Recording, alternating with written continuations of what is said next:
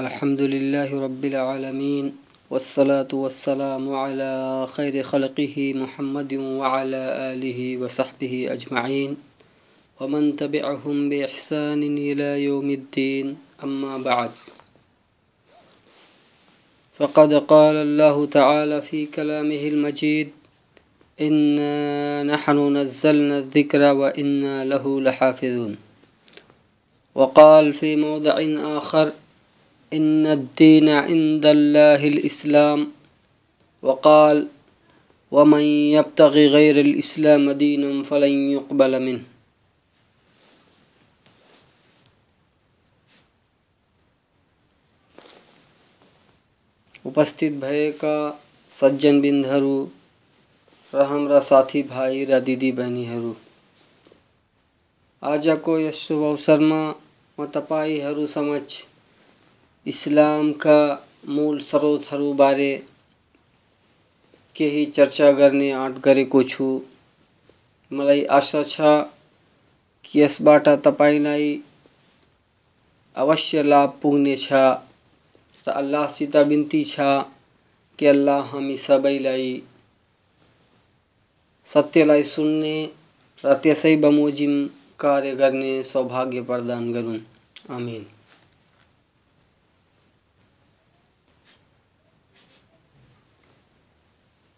सामान्यतया समस्त मिथ्या र असत्य धर्मका धर्मावलम्बीहरू पैतृक पुस्तकहरूलाई नै सद्भाव र सम्मान दिन्छन्। जुन पुस्तकहरू अति प्राचीन युगहरूमा लेखियो र जसको वास्तविक लेखकको पनि पत्ता छैन, र त त्यसको अनुवादकको बारेमा कुनै ज्ञान, न त यो नै थाहा छ कि कुन युगमा ती पुस्तकहरू लेखिए। बरु त्यसलाई यस्ता मान्छेहरूले लेखेका हुन् जुनमा उस्तै स्वार्थ दुर्बलता र कमी कमज़ोरी एवं बिस्ने सम्भावना हुन्छ जस्तो कि प्रत्येक मान्छेमा हुन्छ र रह्यो कुरो, र रह्यो कुरो इस्लामको। त यो आफू बाहेक सबैबाट यस कुरामा भिन्न छ। किनकि त्यो सत्य स्रोतहरूमाथि आधारित छ। त्यो स्रोत हो ईश्वरीय प्रकाशना, अर्थात् कुरान र हदिस। जसको परिभाषा निम्नमा वर्णन गर्दछु। गरिमामय कुरान।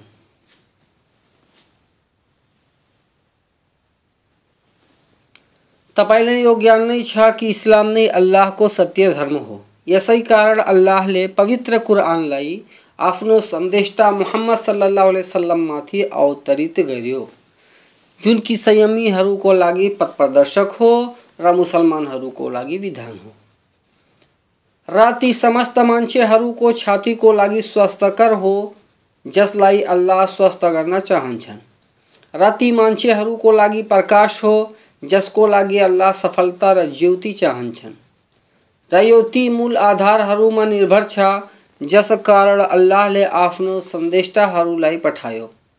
र कुरानको अवतरण कुनै विचित्र र अनौठो कुरो होइन, जसरी रसुल सल्लाह वसल्लम कुनै विचित्र सन्देष्टा होइनन्। यसर्थ अल्लाहले हज़रत इब्राहिममाथि सोहुफ अवतरित गर्यो, र हज़रत मुसालाई तौरातद्वारा सम्मानित गर्यो, र दाउदलाई जबुर प्रदान गर्यो, र ईसा अलैहिस्सलामलाई इन्जिल। र यी समस्त ग्रन्थहरू अल्लाहको वही हुन्, जसलाई अल्लाहले आफ्ना सन्देष्टाहरूतर्फ वही गर्यो। तर विगतका ग्रन्थहरूमध्ये अधिकांश हराए। र कतिपय परिवर्तित भएर आफ्नो वास्तविकता गुमाइहाले।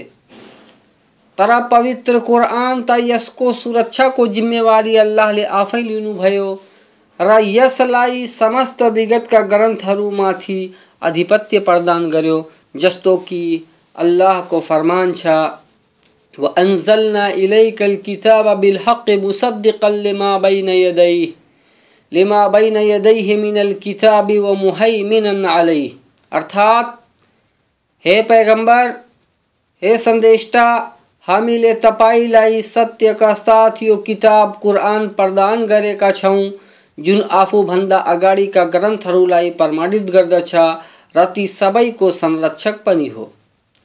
सुरतुल माइदा श्लोक नंबर 48 र जसले यसलाई अवतरित गरेको छ त्यसैले यसको विशेषता वर्णन गर्दै भनेको छ कि यो स्पष्टीकरण हो सबै कुराको, अल्लाहको फरमान छ, वनज्जलना अलैकल किताब तिबियानन लिकुल्ल शै।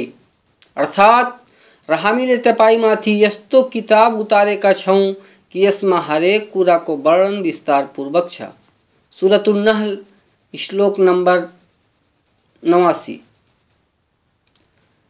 रयो पथ प्रदर्शक दया हो, अल्लाह को फरमान छा, फ़कद जाअकुम बय्यनतुम मिन रब्बिकुम व हुदम व रहमत।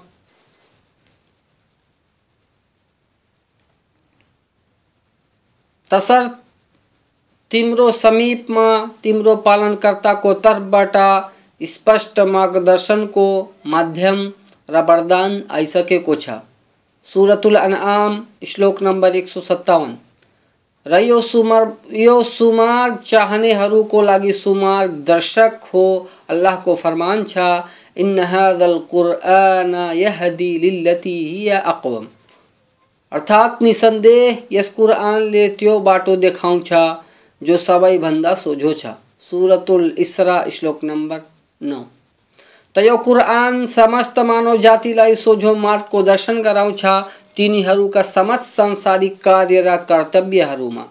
र यो कुरान मोहम्मद सल्लल्लाहु अलैहि वसल्लमका ती चमत्कार चमत्कारहरूमध्ये एक हो, जुन पर्लेसम्म बाँकी नै रहन्छ। र विगतका सन्देष्टाहरूका चमत्कार र चिन्हहरू, उनीहरूको निधन पश्चात समाप्त भइहाल्थे तर यो कुरान यस्तो चमत्कार हो, जुन सदैव बाँकी रहिरहनेवाला छ।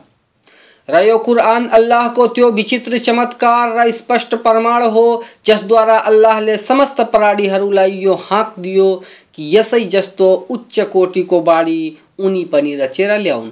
वा त्यसका दस सुरत झैँ दसवटा सुरह बनाएर ल्याउन्, वा मात्र एउटा सुरत अर्थात् अध्याय नै बनाएर देखाइदिउन् तर समस्त मानवगण यसो गर्नुबाट असमर्थ भए यगापि यो कुरान शब्द र वाक्यको नै सङ्ग्रह हो। र जुन समूहमाथि यसलाई अवतरित गरियो। त्यो समूह वाक्य र वर्णन शैलीको चरम सीमामा विराजित थियो। अल्लाहको फरमान छ हम यकुलून अफ्तराहु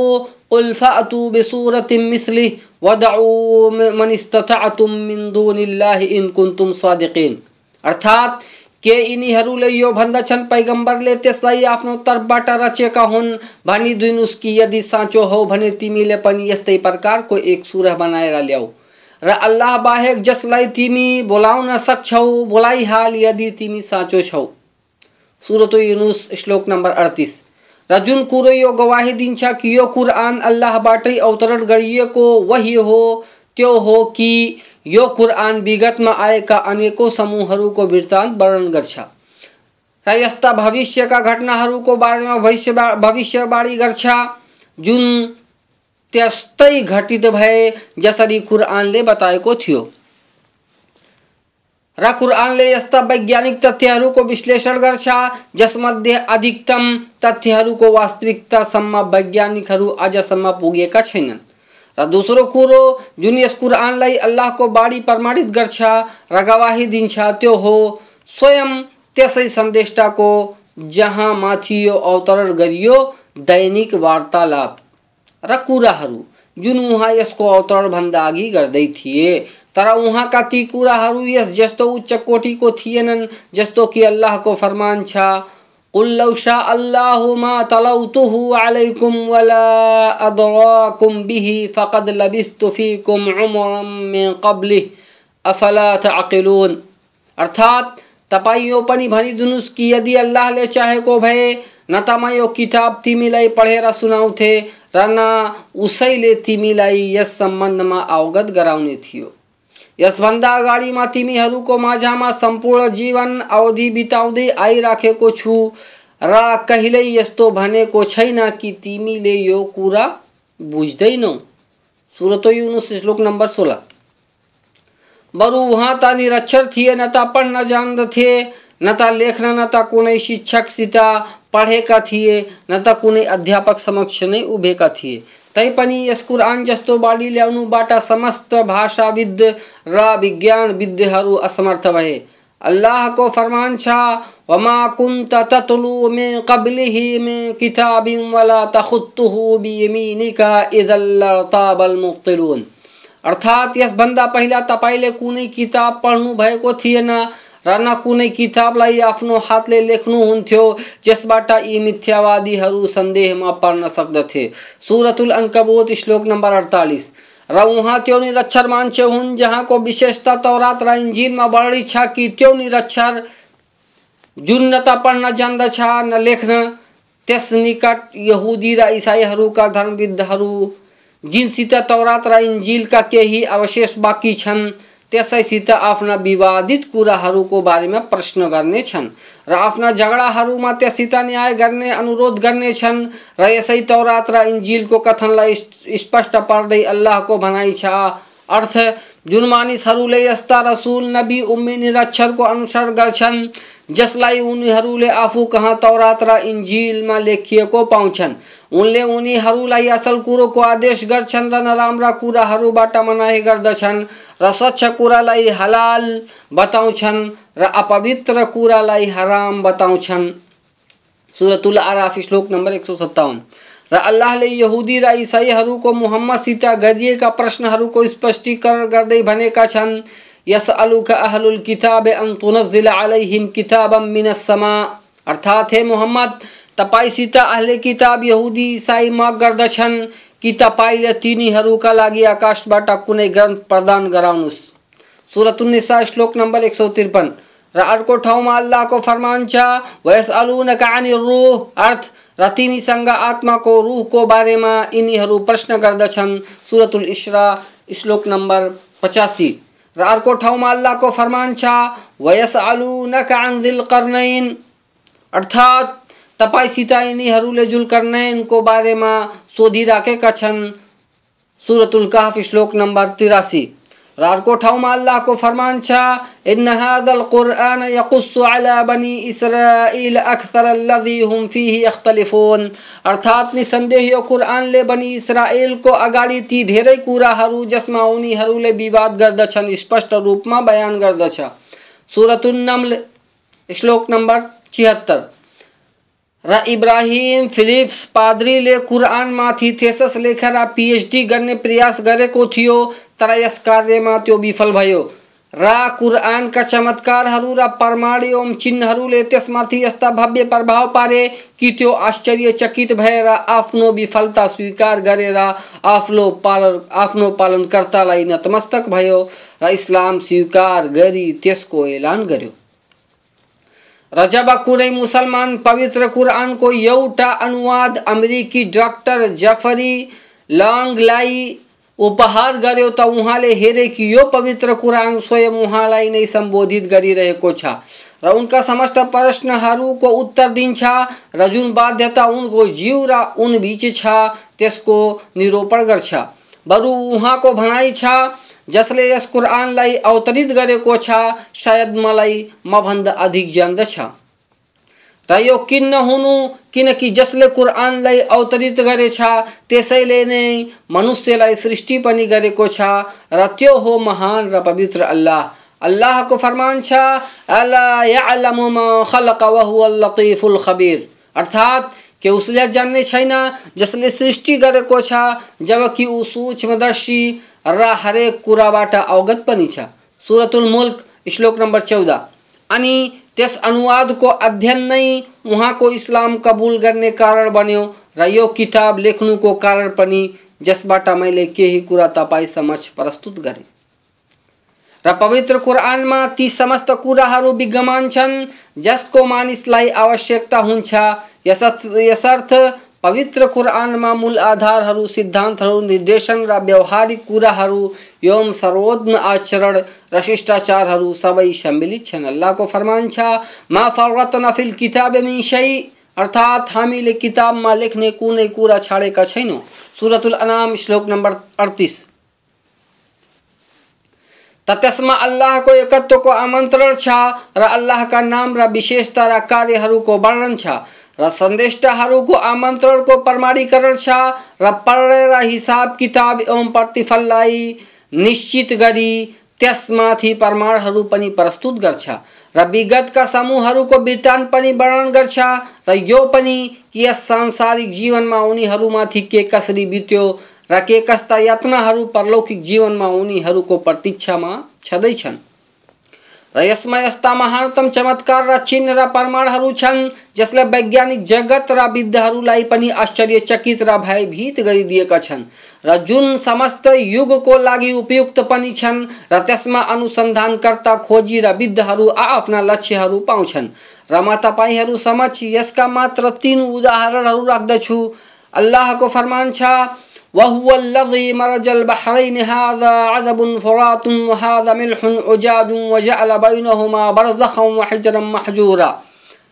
अर्थात् र उही त हो जसले दुई सागरलाई मिलाइराखेको छ एउटा मिठो छ तिर्खा मेटाउनेवाला र अर्को नुनिलो छ छाती पोल्नेवाला र दुवैको बिचमा बिचमा एउटा आवरण र बलियो अवरोध बनाइदियो सुरतुल फुरकान श्लोक नम्बर त्रिपन्न र अर्को ठाउँमा अल्लाहको फरमान छ, अर्थ हेर्नुहोस् वाती गहिरो समुद्री अँध्यारो जस्तो छ, जसमाथि तरङ्गहरूले छोपिराखेका छन् उसको माथि बादलले ढाकिराखेको छ। अर्थात् अँध्यारो नै अँध्यारो छ एउटा माथि अर्को। जब आफ्नो हात निकालोस् त केही देख्न नसकोस् र कुरो यो छ कि जसलाई अल्लाहले नै प्रकाश दिँदैन उसलाई कतैबाट पनि प्रकाश प्राप्त हुन सक्दैन। सुरतुन्नूर श्लोक नंबर चालीस। र यो कुरो थाहा नहीं छ कि मुहम्मद सल्लाह वसल्लम पानी जहाजमा यात्रा गरेका थिएनन् न त उनको युगमा यस्ता सूक्ष्मदर्शी यंत्र नहीं थिए जसद्वारा समुद्र र महासागरहरूको गहिराईलाई मापियोस् वा त्यसको अनुसन्धान गरियोस्, त अल्लाह बाहेक को छ जसले यी समस्त कुराहरू उहाँलाई बतायो।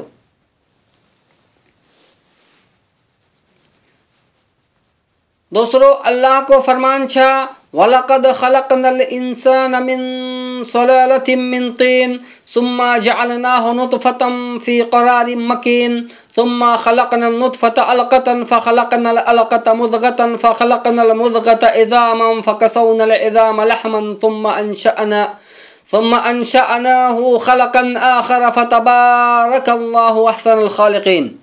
अर्थात निसन्देह हामीले मानवलाई माटोको तत्त्वबाट सृष्टि गरेका हौँ अनि उसलाई एउटा बलियो सुरक्षित ठाउँमा शुक्र बनाएर राख्यौँ।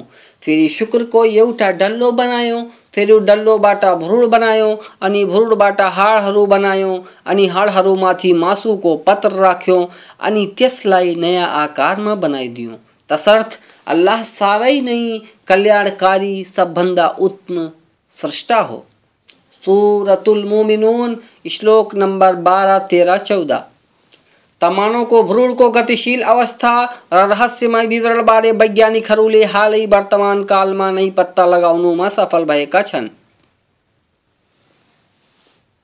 फिल बर्रि वल बहरि व मा तस्कुतु मिन वर्क़तिन इल्ला यअलमुहा वला हब्बतिन फ़ी ज़ुलुमातिल अर्दि वला रतबिन वला याबिस वला रतबिन वला याबिसिन इल्ला फ़ी किताबिन मुबीन अर्थात र अदृश्य कुराको साँचो अल्लाहसँग छ जसको बारेमा उस बाहेक अरू कसैलाई थाहा छैन जे जति पृथ्वी र समुद्रमा छन् उसैलाई त्यसको ज्ञान छ एउटा पात झर्दा पनि उसलाई थाहा हुन्छ र पृथ्वीको अँध्यारोमा कुनै दाना उसको जानकारी बगैर झर्दैन कुनै हरियो सुकेको कुरा जे जति छन् सबै स्पष्ट रूपले किताबमा अङ्कित छन् सुरतुल अनआम श्लोक नम्बर उनासठी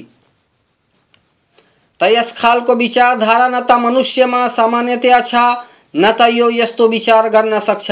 र यस्तो गर्नु त असम्भव कुरो हो। बरु जब कुनै वैज्ञानिक वा विद्याहरूको समूह हामीहरू समक्ष कुनै बोट, बिरुवा आदिको बारेमा कुनै नवीन जानकारी प्रस्तुत गर्छ, त हामी आश्चर्यचकित भइहाल्छौँ। तर यो ज्ञात रहोस् कि त्यस वस्तुबारे जति ज्ञान उनीहरूलाई प्राप्त भएको छ, त्यसभन्दा कैयौँ गुणा अधिक त्यसबारे उनी अनभिज्ञ पनि छन्। र फ्रान्सिसी वैज्ञानिक मोरिस बोकियाली तौरात इन्जिल र कुरआन र वर्तमानका ती समस्त रिसर्चहरू बीच तुलना गरेको छ। जुन आकाश र, पृथ्वी एवं मानव शरीरको रचनामाथि आधारित छ। त त्यसले स्पष्ट रूपले यो हेरो कि वर्तमानका रिसर्च तथ्य, रिसर्चित तथ्यहरू कुरआनमा वर्णित कुराहरूबाट सहमत छन्। र तौरात र इन्जिल जुन कि वर्तमान कालमा यहुदी र इसाईहरूको पासमा छ त्यसमा भएका आकाश, पृथ्वी र मनुष्य मनुष्य एवं जनावरको रचनाको ज्ञानहरूमध्ये अधिकतम गलत छन्। दोस्रो मोहम्मद सल्लल्लाहु अलैहि वसल्लम को सुन्नत, अर्थात इस्लाम को दोस्रो स्रोत हो मोहम्मद सल्लल्लाहु अलैहि वसल्लम को सुन्नत। अल्लाहले मोहम्मद सल्लल्लाहु अलैहि वसल्लम माथि कुरान अवतरित गर्यो र त्यसै जस्तो अरू वही गर्यो र त्यो हो मोहम्मद सल्लल्लाहु अलैहि वसल्लमको पद्धति। जुन कुरानको व्याख्या र स्पष्टीकरण हो, रसूल सल्लल्लाहु अलैहि वसल्लमको फरमान छ, मलाई कुरान र त्यसको साथ त्यसै जस्तो अरू दिइएको छ। अहमदले यस हदिसलाई मुसनदमा वर्णन गर्नुभएको छ भाग चार पेज नम्बर एक सौ एकतिस र अबु दाउदले आफ्नो सुननमा किताबु सुन्नामा अध्याय, लजुमी सुन्ना अंतर्गत वर्णन गर्नुभएको छ। हदिस नम्बर चार हज़ार छ सौ चार भाग चार पेज नंबर दुई सौ। र अल्लाहले उहाँलाई यो अनुमति प्रदान गरेको थियो कि कुरआनका ती श्लोकहरू जुन समग्रमा वर्णन गरिएका छन् वा विशिष्ट अथवा सामान्य अर्थलाई बोध गर्दछन् त्यसलाई व्याख्या गरी स्पष्ट पारुन्। अल्लाह को फरमान छा, व अनसलना इलैका ज़िक्र लितुबय्यन लिन्नासि नुज़िल इलैहिम व लअल्लहुम यतफक्करून। अर्थात हामीले तपाईँलाई पनि, यो किताब प्रदान गरेका छौँ जसबाट मानिसहरूलाई जे प्रदान गरेका छौँ तपाईँले स्पष्ट गरी वर्णन गर्नुहोस् सम्भव छ तिनीहरूले विचार गरून्। सुरतुल श्लोक नम्बर चौवालिस। र सुन्नत नै इस्लामको दोस्रो स्रोत र सन्दर्भ हो र सुन्नत हो, ती समस्त कुराहरू जुन रसुल सल्लाह वसलमसित वर्णित छन्। सही सनदको साथ, सनद अर्थात अर्थात् वर्णनकर्ताहरूको कार्मिक सिलसिला। जुन रसुल सल्लाह वसल्लमसम्म पुगोस्, अब चाहे त्यो उहाँले भनेका कुराहरू हुन्, वा कार्यहरू वा उहाँका विशेषताहरू हुन्, वा समर्थनहरू र यो पनि अल्लाहद्वारा नै वही गरिएका हुन्, किनकि मुहम्मद सल्लाह वसलम आफ्नो व्यक्तिगत स्वार्थको लागि आफ्नो तर्फबाट केही भन्दैनन्। अल्लाहको फरमान छ, वमा यन्तको अनिल हवा, इन हुवा वहयुन युहा अल्लमहु शदीदुल कुवा। अर्थात् र उनी आफ्नो इच्छाले केही भन्दैनन्, त्यो त मात्र वही हो जुन उनीमाथि पठाइँदैछ। उनलाई ठुलो शक्तिवाला अल्लाहको दूत जिब्रिलले सिकाएको छ सुरतुल नज्म श्लोक नम्बर तिन चार पाँच। बरु उहाँ सल्लल्लाहु अलैहि वसल्लम सबै समक्ष त्यही नै प्रस्तुत गर्छन्, जसको आदेश गरिन्छ अल्लाहको फरमान छ इन नज़ीरुम मुबिन। अर्थात् म त उसको मात्र पैरवी गर्दछु जुन वही पठाइन्छ, र म त खुल्लम खुल्ला सावधान गर्नेवाला हुँ सुरतुल अहकाफ श्लोक नंबर नौ। पवित्र सुन्नत नै इस्लामका निर्देशनहरू सिद्धान्तहरू पूजा एवं शिष्टाचारहरूको प्रत्यक्ष कार्यान्वयन गर्नु हो। यसर्थ नबी सल्लाह अलैहि वसल्लमलाई जुन आदेश गरिन्थ्यो त्यसलाई पूर्ता कार्यान्वयनमा ल्याउँथे। र सबै समक्ष त्यसलाई स्पष्ट पार्थे। र सबैले आदेश गर्थे कि जसरी म गरिराखेको छु, त्यसरी नै तिमीहरू पनि गर। जस्तो कि उहाँ सल्लल्लाहु अलैहि वसल्लम को फरमान छ जसरी मलाई नमाज़ पढ्दा हेरिराखेका छौ, त्यस्तै नमाजको आयोजना गर। यस हदिसलाई इमाम बुखारीले किताबुल अजानमा वर्णन गर्नुभएको छ, अध्याय अठार, भाग एक, पेज एक सौ पचपन। र अल्लाहले समस्त आस्थावानहरूलाई यो आदेश गरेको छ कि उहाँ सल्लल्लाहु अलैहि वसल्लमको पद्धतिको नै अनुसरण गरून्। कार्य गर्नुमा वा कुरा गर्नुमा ताकि उनीहरूको आस्था परिपूर्ण भइहालोस् अल्लाहको फरमान छ, लकद कान लकुम फ़ी रसूलिल्लाहि उस्वतुन हसना, लमन कान यरजुल्लाह वल यौमल आखिर व ज़करल्लाह कसीरा। अर्थात् निसन्देह तिम्रो निम्ति अल्लाहको रसुलमा एउटा उत्तम आदर्श छ, प्रत्येक त्यस व्यक्तिको लागि, जुन अल्लाह र अन्तिम दिनको आशा राख्दछ र अल्लाहलाई अधिक स्मरण गर्दछ सुरतुल अहजाब, श्लोक नम्बर इक्कीस। र उहाँ सल्लाह वसल्लमका साथीहरू अर्थात् सहाबाहरूले आने आउने पिँढीसित उहाँ सल्लाह का कुरा र क्रियाहरू वर्णन गरे अनि यिनी उपरान्त आएकाहरूले आफू पश्चातको पिँढीसम्म उस्तै तरिकाले वर्णन गर्दै गरे। अनि त्यसलाई हदिसका ग्रन्थहरूमा सङ्ग्रह गरियो र सुन्नतलाई वर्णन गर्नेहरू जससित लिन्थे, त्यसको बारेमा पूर्ण छानबिन गर्थे र उनीहरूको बारेमा पूर्ण स्पष्टीकरण गर्दथे र यो कुरोलाई पनि गम्भीरताले हेर्थे कि जसबाट हदिस लिइरहेका छन्, त्यो त्यस मान्छेको युगको हो कि होइन। जसको माध्यमले त्यो वर्णन गरिरहेको छ ताकि सनद वर्णनकर्तादेखि रसुल सल्लाह वसल्लमसम्म जुडेको होस् र यो पनि हेर्थे कि समस्त वर्णनकर्ता सत्यवान र निष्ठावान र धरोहरी हुन्। त सुन्नत जसरी इस्लामलाई इन्द्रियद्वारा कार्यान्वयनमा ल्याउनु हो, उस्तै कुरआनको स्पष्टीकरण पनि हो, र त्यसका श्लोकहरूको व्याख्या पनि। त्यसका समग्रमा वर्णित निर्देशनहरूलाई विस्तारले वर्णन कर्ता कर्ता पनि जसरी कि रसुल सल्लाह वसलम ती समस्तको व्याख्या र स्पष्टीकरण गर्थे, जुन उहाँ सल्लाह वसलममाथि अवतरित गरिन्थ्यो। तसर्थ केहीलाई कुराहरूद्वारा स्पष्ट पर्थे, त केहीलाई कार्यान्वयन गरेर, त केहीलाई दुवैद्वारा र सुन्नत यस्ता निर्देशन र विधिहरू पनि वर्णन गर्छ, जुन कुरानमा हुँदैन। र यस कुरामा आस्था राख्नु अनिवार्य छ कि कुरान र सुन्नत दुवै इस्लामका ती मूल स्रोत र सन्दर्भ हुन्, जसको अनुसरण र अनुपालन अनिवार्य छ। र विवादमा त्यसै तरफ़ प्रवृत्त हुनु जरुरी छ र दुवैका आदेशहरूको अनुपालन गर्नु जरुरी छ र दुवैले गरेका वर्जित कुराहरूबाट बाँच्नु आवश्यक छ र दुवैले वर्णन गरेका खबरहरूमा विश्वास गर्नु अनिवार्य छ। र विश्वास गर्नु जरुरी छ। ती समग्र कुराहरूमा जुन दुबईमा वर्णित छन् चाहे ती अल्लाहका नाम र विशेषता एवं कार्यको वर्णन होस्, वा जुन अल्लाहले आफ्ना सदाचारी, संयमी, मित्र र आस्थावानहरूको लागि जे जति तयार गरेको छ, त्यसको वर्णन। वा जुन त्यस अल्लाहले काफिरहरूलाई जुन कुराहरूबाट सावधान गरेको छ र डराएको छ, त्यसको वर्णन अल्लाहको फरमान छ। फला व रब्बिका ला हत्ता शजरा बैनहुम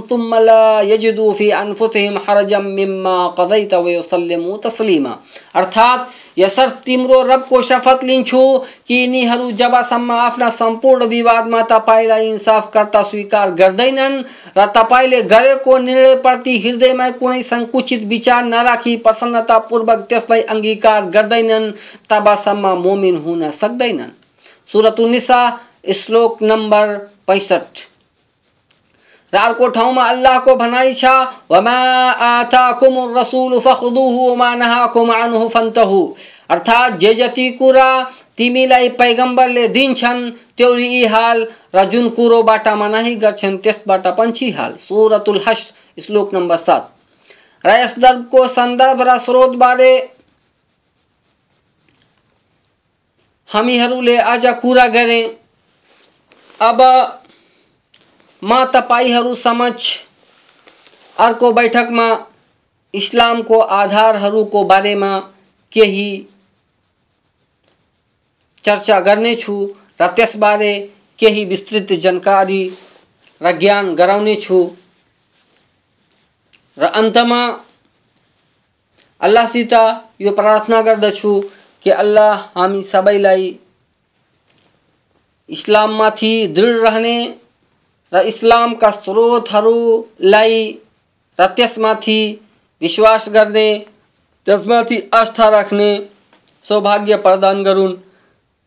र आस्था र इमानको अवस्थामा हामीहरूलाई मृत्यु प्रदान करून।